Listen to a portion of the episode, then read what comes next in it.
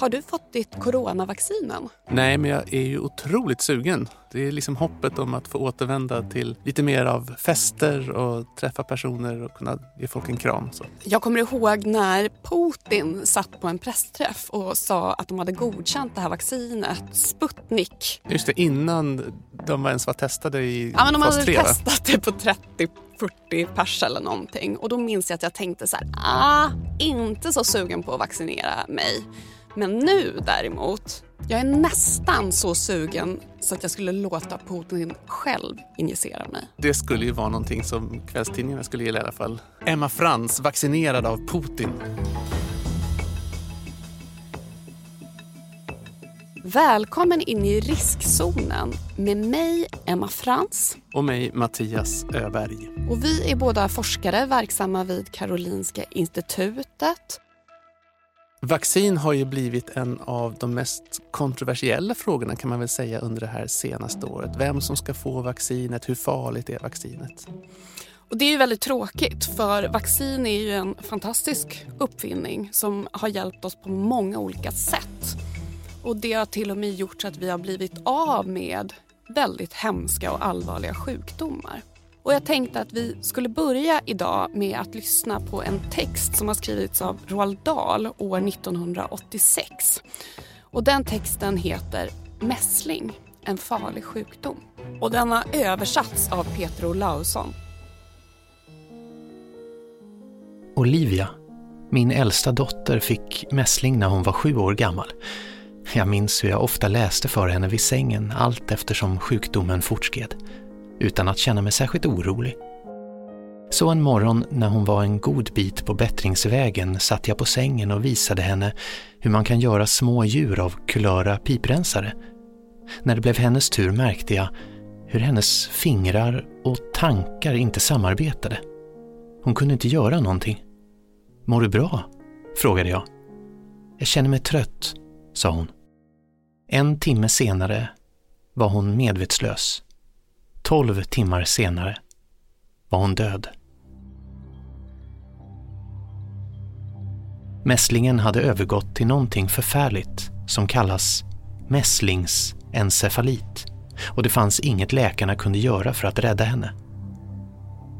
Detta var 1962. 24 år sedan. Men än idag är det så att om ett barn får mässling utvecklar samma dödliga reaktion som Olivia gjorde så finns det fortfarande inget läkarna kan göra för att hjälpa henne. Å andra sidan kan föräldrar idag göra något för att förhindra att samma tragedi inträffar deras barn. De kan se till att få sitt barn immunt mot mässling. Jag kunde inte göra det för Olivia 1962 eftersom man på den tiden ännu inte hade fått fram något pålitligt mässlingsvaccin. Idag finns det bra och säkra vacciner tillgängliga för alla familjer och det enda ni behöver göra är att be er läkare att få det. Det är fortfarande inte allmänt accepterat att mässling kan vara en farlig sjukdom. Tro mig, det är den. Jag tycker att föräldrar som idag förvägrar sina barn vaccinering riskerar deras liv.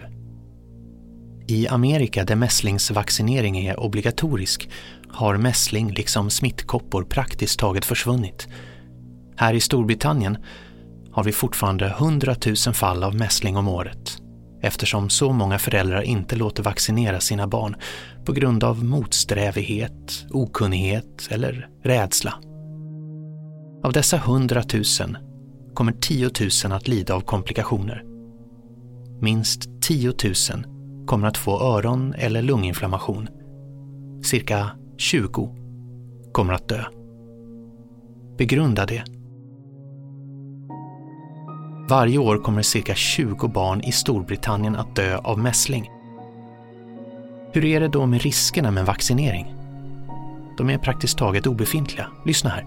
I ett område med cirka 300 000 invånare kommer ungefär ett barn på 250 år att utveckla allvarliga bieffekter av vaccineringen. Risken är en på miljonen. Jag skulle tro att risken är större att ditt barn kvävs av en chokladbit än att det blir allvarligt sjukt av en mässlingsvaccination. Så vad i hela friden oroar ni er för? Faktum är att det närmast är brottsligt att låta ditt barn vara ovaccinerat. Den bästa åldern är 13 månader, men det är aldrig för sent. Alla skolbarn som ännu inte blivit vaccinerade borde be sina föräldrar att ordna det så snart som möjligt. Jag tillägnade Olivia två av mina böcker. Den ena var James och jättepersikan. Då levde hon fortfarande. Den andra var SVJ, tillägnad hennes minne sedan hon dött av mässlingen.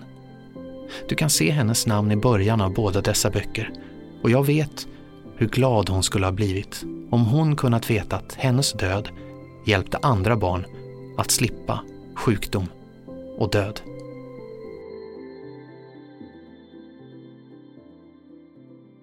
Otroligt jobbigt att höra en sån här text. Jag har så svårt att höra om barn som dör. Sen jag själv fick barn så kan jag nästan inte låta mm. bli att gråta i de Nej, sammanhangen. Det är så ofattbart. Eh, och I den här berättelsen av Roald Dahl så nämns ju att liksom 20 kommer att dö av mässling.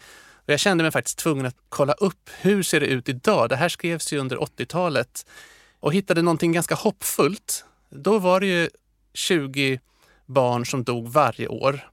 Men det har blivit mycket bättre och enligt de officiella data som finns idag på de engelska hälsomyndigheternas hemsidor så har det alltså bara dött 10 personer mellan 2006 och 2017. Alltså totalt under de åren? Totalt under de åren. Så det är alltså något enstaka dödsfall per år. Sju vuxna, tre barn. Var de personerna vaccinerade? Alltså det intressanta är ju att ingen av de tre barn som dog under den här perioden hade fått vaccin. I ett av fallen så var det ett spädbarn som inte hade hunnit att få vaccin. Oh, vad tragiskt. Och i de mm. två andra fallen så står det att de hade underliggande immunologiska sjukdomar och inte var vaccinerade. Så jag tolkar det som att man hade avstått från att vaccinera av goda skäl. Men det visar ju dels att vaccin faktiskt fungerar och det visar ju också tyvärr att den här sjukdomen är så smittsam att den ligger liksom och lurar och kan drabba barnen som vi inte kan skydda även om vi har möjlighet. Så den som kan vaccinera sig ska göra det också för att skydda andra? Ja, det tänker jag att det är en jätteviktig slutsats. Men om man tittar globalt i världen så är ju mässling fortfarande en enorm barnadödare. Och jag menar, även om vi är västerförskonade så kan det ju komma tillbaka hit om vi slutar vaccinera oss. Hur många dör idag? Alltså, Läkare utan gränser de anger att 140 000 barn dog i mässling år 2018 och de flesta var barn under fem år. Och det ska visserligen jämföras med att då 1980 så dog 2,6 miljoner barn årligen. Men det är oroande ju såklart att vi ser att smittan ökar i vissa länder. Också att det finns det här omfattande motståndet mot vaccin. En anledning till att det kan vara ett motstånd är väl också att det är få som känner till mässling idag. Förr var det en vanlig barnsjukdom som alla hade. Idag, jag har ju själv inte ens sett det. Kan inte du berätta lite som epidemiolog vad vad mässling är? Alltså mässling är ju en väldigt smittsam sjukdom. Under det här coronaåret så har vi fått lära oss lite olika ord som R-talet, eller hur Mattias? Vad har mässling för R-tal normalt? R-talet, det basala reproduktionstalet som man brukar använda, det är just det där antalet personer en smittad individ för vidare smittan till i en helt mottaglig befolkning. Och ligger det under ett så minskar det och ja. ligger det över ett så ökar det? Ja, alltså för att en sjukdom ska liksom kunna bli en epidemi, då behöver det ligga på över ett. Sen så kan man med hjälp av vaccinationer och olika typer av restriktioner få ner det här R-talet. Men om vi bortser från då att människor kan vara vaccinerade så ligger det här reproduktionstalet på mellan 15 och 23. Tjena, det innebär alltså att det här är otroligt smittsamt? Det är otroligt smittsamt. Och det innebär ju också att en väldigt stor andel av befolkningen måste vara vaccinerade för att man ska nå sån här flockimmunitet. Det här ordet som har blivit väldigt laddat men det innebär helt enkelt hur många som behöver vara immuna för att den här smittan ska sluta sprida sig i befolkningen. Och symptomen då på mässling det är torrhosta, man får irriterade och ljuskänsliga ögon och hög feber. Senare så får man också röda utslag i ansiktet och sen på kroppen. Och komplikationer är ganska vanligt faktiskt. Vad menar du med vanligt då? För att en barnsjukdom som mässlingen känns ju som att om alla får det här. De flesta klarar väl det?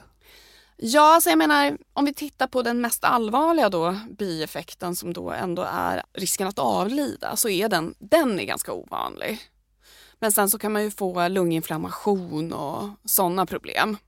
Men risken att avlida är normalt 0,2 procent men det kan vara mycket högre, det kan vara upp till 10 procent bland barn som är undernärda. Ja, Okej, okay, så att man kan vara mer eller mindre känslig också men 0,2 procent är ju ganska mycket ändå i de här ja. sammanhangen. Ja. Alltså man tänker ja, alltså dödligheten ja, alltså är väldigt låg. Precis, alltså det innebär ju ändå i och med förr när den här smittan var så pass vanlig så var det ju barn i Sverige som dog årligen av det här.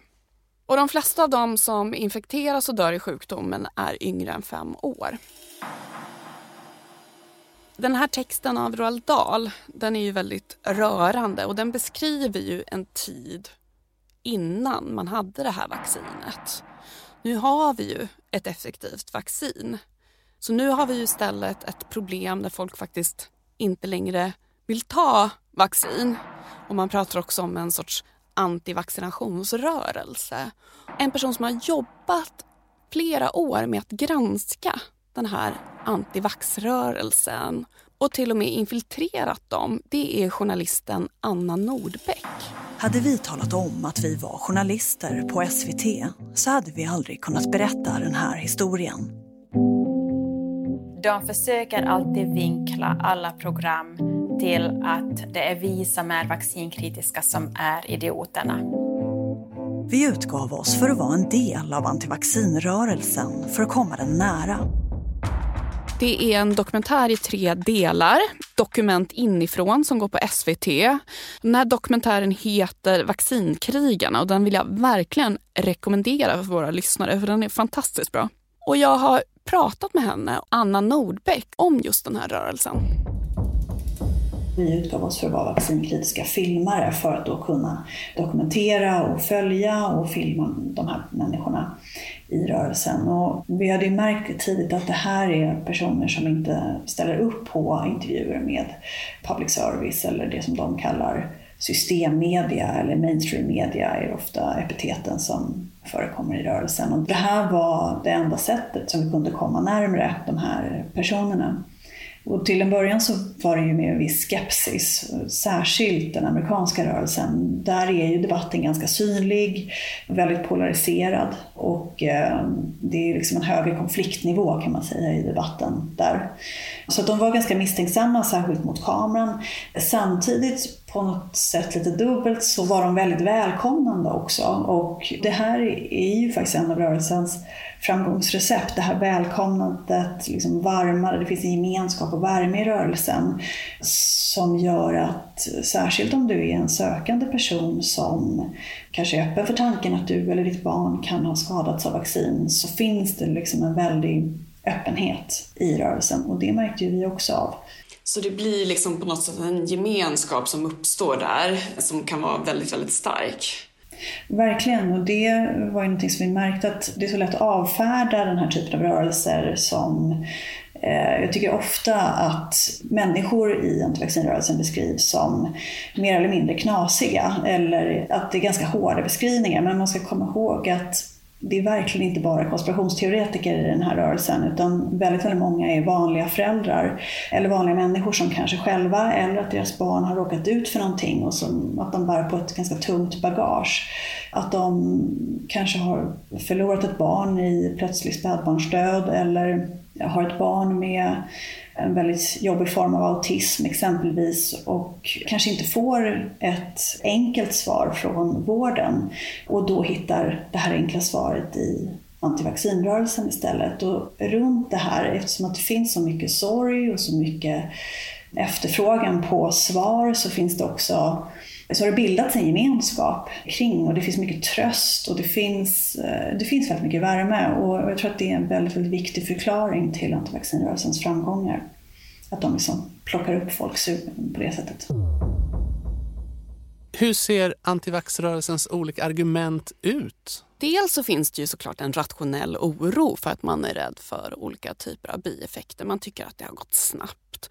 Men sen så finns det ju också de som är, liksom, har ganska märkliga och extrema uppfattningar. Det finns ju de som på något sätt menar då att Bill Gates vill injicera oss med mikrochip och övervaka oss och det är det som är syftet med hela den här massvaccinationskampanjen. Det kan ju vara viktigt att skilja i så fall på det här som du beskriver som kanske en rationell försiktighetsprincip, att man inte vill stå först i kön om man inte tillhör en tydlig riskgrupp för den här sjukdomen till exempel.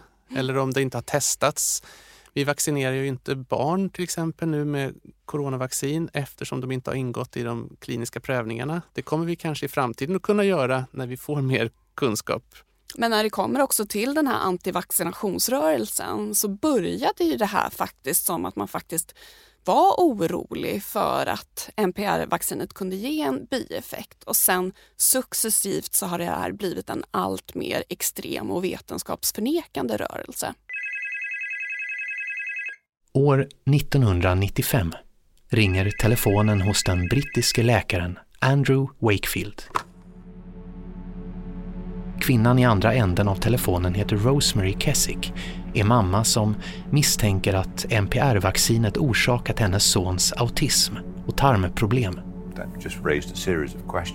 Wakefield är inte expert på autism. No, I didn't know anything about autism. Autism was so rare that we were not taught about it at medical school.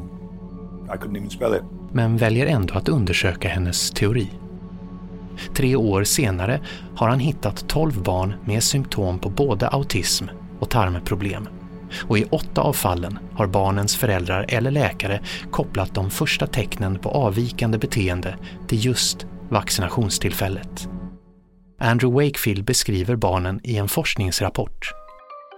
Han tror sig ha hittat en ny tarmsjukdom som är kopplad till autism. Syndromet kallar han autistisk enterokolit misstänkt att den är orsakad av MPR-vaccin. Texten publiceras i den välrenommerade medicinska tidskriften The Lancet och i samband med publikationen bjuder Royal Free Hospital, där Wakefield jobbar, in till en pressträff för att presentera resultaten. Measles, mumps and rubella given together may be too much for the immune system of some children to handle. Att få alla tre vaccin på samma gång är helt enkelt mer än vad vissa tål, säger Andrew Wakefield och menar att det är en moralisk angelägenhet för honom att uppmärksamma det här. Trots att Wakefield endast undersökt 12 barn och att han dessutom i Lancet-publikationen skriver att studien inte lyckats bevisa ett orsakssamband säger han att MPR-vaccinet borde stoppas. Questions were raised today about the safety of the combined mumps, measles and rubella vaccine.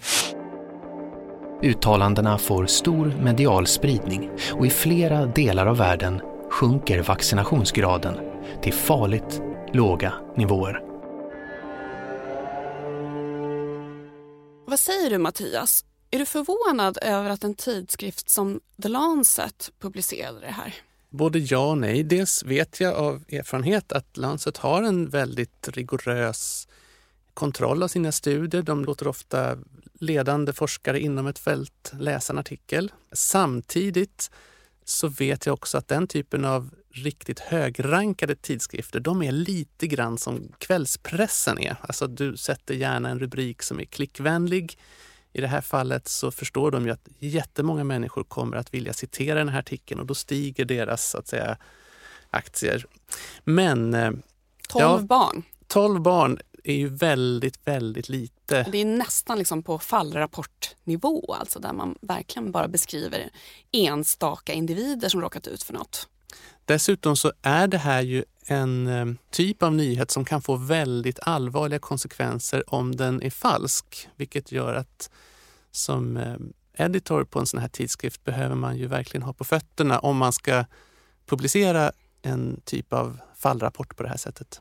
Sen så kanske det var en editor som sa att nej, nej, men den här slutsatsen kan du inte riktigt dra. Du måste vara lite försiktig. För i själva den här artikeln så är han ju ganska försiktig med slutsatsen.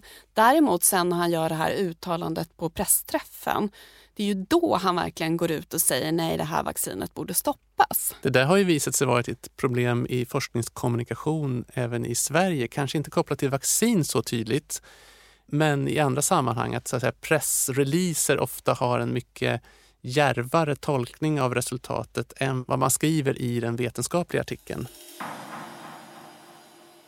Dagens föräldrar går ju ut och söker på nätet mycket efter information. Också tidigare generationer så lärde man sig av sina föräldrar och släkter runt omkring och sen har BVC haft en väldigt viktig roll och det är klart att det där fortfarande finns kvar. Men idag så har ju internet för många en väldigt stor del av, liksom, det är en stor del av hur man söker information och det finns ju mycket grupper på nätet som man kan gå med i som blivande förälder eller som förälder där man ber om råd och man byter tips och sådär. Och vetenskap gör ju sig inte riktigt på nätet på det sättet, utan där gör ju sig starka berättelser och snabba fakta mycket bättre. Och svartvita fakta gör sig också mycket bättre på nätet än de gråskalor som ju liksom ligger i vetenskapens natur på något vis. Och det är ju en viktig del i antivaccinrörelsens framgångar, att de så framgångsrikt förvaltar berättelser om påstådda vaccinskador där det oftast inte finns bevis, men där någon har då känt eller trott att det finns en koppling mellan en åkomma och vaccinet. Och vaccinmotståndarna är ju väldigt medvetna om att ju fler berättelser som kommer upp till ytan, desto större mängd, desto svårare är att värja sig mot berättelserna. För det finns så många, då måste ju någonting i det vara sant. Fast det då i själva verket väldigt sällan finns bevis då. Man ska säga i sammanhanget att vaccinbiverkningar finns ju och människor har ju skadats av vaccin. Men det är liksom inte alls i den utsträckningen och inte heller med den typen av diagnoser och sjukdomar som påstås av antivaccinrörelsen ofta. En anledning till att man kan tänka sig att liksom observera den här typen av samband kan ju vara att tecknen på autism, alltså det här sociala samspelet och språkutvecklingen sker ungefär vid den tid som eh, man normalt får vaccin mot Exakt. det här trippelvaccinet. Precis, och vi vet ju att vi människor vi har den här tendensen att dra olika slutsatser mellan saker som inträffar efter varandra. Och det är ju därför man också behöver testa saker i vetenskapliga studier för att verkligen ta reda på om den här grejen som vi tycker oss se verkligen mm. håller eller inte. Och jag menar Wakefield, den personen som planterade det här hos honom, det var ju också en förälder som trodde sig ha sett den här typen av samband. Och just någonting som återkommer väldigt mycket när Wakefield berättar om det här, det är ju just att han är den enda som lyssnar på föräldrarna.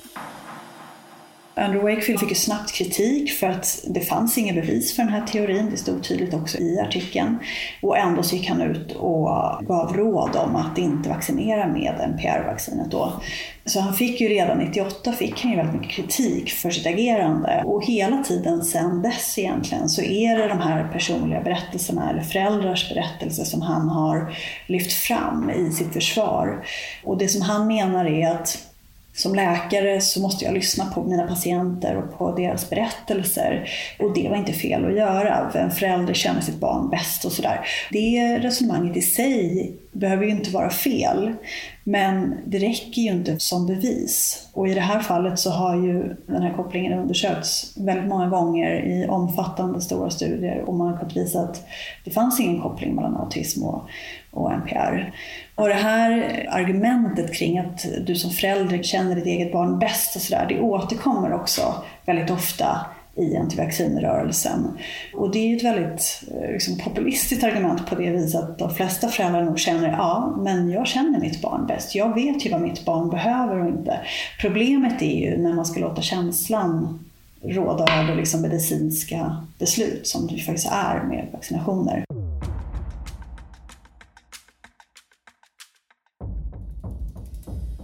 Något som man också kan nämna det är ju att vid den här tiden så visste man ju inte så mycket heller om vad som orsakade autism. Det hade ju funnits en populär hypotes om att det handlade om de här kylskåpsmammorna. Känner du till det begreppet? Ja, men berätta gärna för det är en absurd Ja, men just term. det där att man hade en känslokall mor, att det var det som gav upphov till det här tillståndet. Och det var ju också liksom ett, ja men där skuldbelade man ju mammorna så på det sättet så kanske det också på något sätt fanns en vilja att hitta en annan typ av orsak som inte då låg på föräldern själv utan det var liksom det här vaccinet som hade orsakat problemet. Ett annat exempel på sådana här samband som man kan se som kan lura, lura en lite grann är ju att om man tittar på när vaccinet infördes och liksom började spridas under 70-talet, då fanns ju inte liksom autism på kartan riktigt. Utan de diagnoserna började ju utvecklas under 80-talet. Alltså vi har ju lärt oss mer och mer, så tittar man på förekomsten av autism så kommer det ju efter att vaccinet har införts. Men det beror ju på att vår kunskap om vad autism är har vuxit. Precis, och att vi kanske också har breddat det här begreppet, att man nu också inkluderar ett helt spektrum. Att förut var det liksom en väldigt, väldigt smal, snäv och väldigt ovanlig diagnos medan vi nu har personer som ja men, Greta Thunberg som är liksom en av våra mest kända svenskar som har en diagnos inom det här spektrat. Senare studier försöker replikera Wakefields resultat. Studierna är betydligt mer omfattande och inkluderar miljontals barn. Men inga av dem hittar en koppling mellan MPR-vaccinet och autism eller tarmsjukdom. Ändå backar inte Wakefield. Han fortsätter att hävda att det finns en koppling. Många föräldrar till barn med autism hyllar Wakefield som en hjälte. Men bland experter växer kritiken. Det tillsätts en utredning mot Wakefields lämplighet som läkare som visar att han, i det dolda, har tagit emot pengar från advokater som vill påvisa ett samband mellan autism och vaccin för att kunna stämma vaccintillverkare. Han har också utfört onödigt smärtsamma ingrepp på barnen, som lubarpunktion, alltså ryggmärgsprov. 2010 faller domen. Rätten slår fast att Wakefield begått flera grova fel i sin yrkesutövning. Han blir av med sin läkarlegitimation och Lancet-studien dras omedelbart tillbaka. I och med det hoppas vaccinexperter att påståendet om att vaccin kan orsaka autism helt ska kunna avskrivas. Men idén lever kvar och Wakefield och flera av hans anhängare har nu blivit frontfigurer i antivaccinationsrörelsen. Good evening. Anti vaccination demonstrators have stormed the streets of our capital cities today, fighting against the COVID vaccine and clashing with police. The protests indicate the rollout won't be all smooth sailing. Vaccinmotståndet får allt mer uppmärksamhet. Inte minst nu när en massvaccinering mot covid-19 pågår. Men redan före pandemin fanns en oro för konsekvenserna av en allt mer påtaglig motvilja till vaccin. Världshälsoorganisationen WHO listar 2019 tveksamhet till att ta vaccin som ett av de största hoten mot global hälsa. Samma år varnar WHO för att mässling, en sjukdom som i det närmaste varit utrotad tack vare vaccin, återigen sprids i Europa med en oroväckande fart. Det som drabbade Roald Dahls sjuåriga Olivia riskerar nu alltså att återigen drabba allt fler barn. Så på ena sidan har vi alltså en studie med 12 barn ja. där föräldrarna tycker sig se ett samband. Och på den andra sidan så har vi ett stort antal studier med flera miljoner barn där man inte ser något samband. Och ändå så får det här så stor påverkan. Visst blir man galen? Alltså det är ju därför jag kan tycka att det är rimligt. Man kan ju säga att ja, men det är väl ett hårt straff. En läkare som är lyhörd och lyssnar på föräldrarna, varför ska det vara så att säga, brottsligt någonstans? Det man såg i det här sammanhanget var ju inte bara det att han hade ett kommersiellt samarbete så att säga, utan det fanns också det här med ingreppen, de här ryggmärgsproven. Jag minns själv när jag var fyra år, det är en av mina tidigaste minnen, och var tvungen att ta ett ryggmärgsprov. Och jag hade ju sprutfobi säkert tio år efter. Ja, för att man är tvungen att ligga väldigt fixerad och kunna ta det här provet. Samtidigt så har det ju kommit fram att till och med de här tolv fallen, där har man när man har tittat på de ursprungliga journalerna visat att informationen i artikeln stämmer inte med de medicinska journalerna på barnen. Så det, det, det liksom kändes ju som man verkligen, man verkligen ville visa någonting och så letade man och letade. Alltså man byggde verkligen en höna av en fjäder. I refuse to do interviews with news organizations. I'll do live interviews, I won't do recorded interviews. Because I don't trust them. I've learned how deceptive they are. Ni fick ju träffa Andrew Wakefield också och han är ju verkligen en sån här nyckelperson i hela den här rörelsen. Hur var det att träffa honom? Speciellt, alltså Andrew Wakefield är en sån ikon i vaccinmotståndet idag. Eh, han ses som en förgrundsgestalt av många och han kallas liksom för the grandfather of the movement. Väldigt hyllad och omtyckt och åtnjuter fortfarande respekt som läkare i rörelsen fast han har blivit av med sin legitimation så är det så han presenteras som läkaren som stod upp för eh, barn med autism. Liksom. För det är ju lite paradoxalt. Å ena sidan så gillar de inte läkarna och etablissemanget och samtidigt på något sätt så medför det i hans fall en tyngd. Verkligen. Och det är ju verkligen det som gör honom till, eh, eller att folk har så mycket respekt för honom i rörelsen. För många ser honom som läkaren som stod upp för deras barn trots att det kostade honom karriären. Så han har ju fått en sån här martyrstatus i rörelsen. Och man märker ju väldigt snabbt att han är en person som människor samlas kring och som är väldigt omtyckt. Han eh, är karismatisk och eh, väldigt duktig. Han verkar trovärdig när man pratar med honom. Och det är klart att det eh, också har haft betydelse för hans framgångar i antivaccinrörelsen. Men även om vaccin ger ett otroligt bra skydd och har verkligen räddat människoliv så är det ju inte helt riskfritt. Vi brukar ju säga att alla kemikalier är giftiga och att all medicinsk behandling också innebär risker. Samtidigt tycker jag att det gäller att hålla koll på vad som är stort och smått i de här sammanhangen. Men om man ser nu på coronavaccinen. Nu har man ju vaccinerat flera miljoner människor. Det är väl det som gör att man börjar se också vilka de ovanliga biverkningarna är. De som är för ovanliga för att ens synas i de kliniska studierna. Ja, alltså jag menar, nu har man ju innan man godkände de här första covid-19-vaccinen så gjorde man ju omfattande kliniska prövningar. De var ju väldigt stora, men inte ens i dem hittar man ju de här riktigt ovanliga bieffekterna. Vad ser man i de studierna då?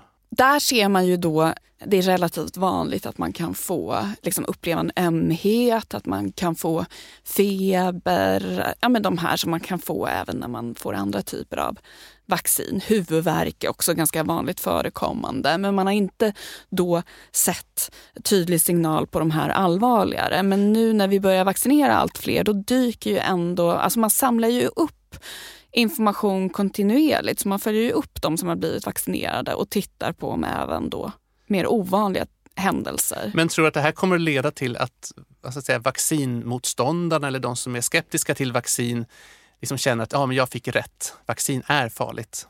Jag tror så att är man övertygad om att vaccin är farligt så tror jag att det här säkert är någonting som kan bekräfta den uppfattningen. Men det är ju inte sant för jag menar, man gör ju de här nytta-riskkalkylerna hela tiden. Så att även om det dyker upp en ovanlig bieffekt, ett ovanligt allvarligt tillstånd som kan kopplas till vaccinet, så är det ju väldigt tydligt att nyttan överstiger riskerna och kanske då framförallt bland äldre åldersgrupper. Ja, för där pratar vi om risken att dö om man blir smittad av covid är ju vi pratar ju om procent. Ja, sen Eh. så ju yngre man blir desto mindre blir ju nyttan med vaccinet när det kommer till just covid-19. Och där kanske man då kommer fundera över vilka vaccin man bör ge till yngre personer, särskilt om man ser allvarliga bieffekter bland de grupperna. Men tror du att den europeiska myndigheten EMA hade resonerat annorlunda kring sina rekommendationer om det inte var en pågående pandemi och vaccinationsbrist? Hade man fortsatt att rekommendera AstraZenecas vaccin eller hade man sagt att ja, men det finns bättre alternativ? Alltså det är klart att bristen på vaccin påverkar de bedömningar man gör. Och jag menar, just det här att man ibland avbryter ett vaccin för att utvärdera eventuella bieffekter. Det är ju någonting som inte faktiskt är ovanligt utan det gör man ju ganska ofta. Men det är ju väldigt speciellt den här gången i och med att det är den här pågående pandemin, att man följer det här i realtid, den här utvecklingen och förmodligen så, jag menar den höga smittspridningen innebär ju också att nyttan med vaccinen blir ju väldigt påtaglig. Vaccinmotståndet får ju å ena sidan lite så här äh, vatten på sin kvarn att jo, titta det finns faror med vaccinet. Men genom att vi är så tydliga med risk och nytta så tänker jag att precis som att vi här i riskzonen pratar om för och nackdelar och försöker liksom bena ut det lite grann så tror jag att den kunskapen om risk, att den blir tillgänglig för fler. Det kanske gör också att tilltron för vaccin blir större. Något som är lite intressant ändå som man har sett i Sverige det är ju att motviljan till att vaccinera sig faktiskt har gått ner successivt. Och det känns ju också på något sätt ganska rimligt att även om många kanske tidigt, som jag var när Putin först pratade om hur bra deras vaccin var när man bara hade testat det på ett fåtal personer. Att många sen i och med att det kommer mer forskning, vi får en tydligare bild kring profilen, även när det kommer till ovanliga biverkningar så blir man lite lugnare och jag tror också just det här att man blir mer och mer less på pandemin. Att man känner liksom allt mer att nej men, vaccinet det är vägen ut ur pandemin.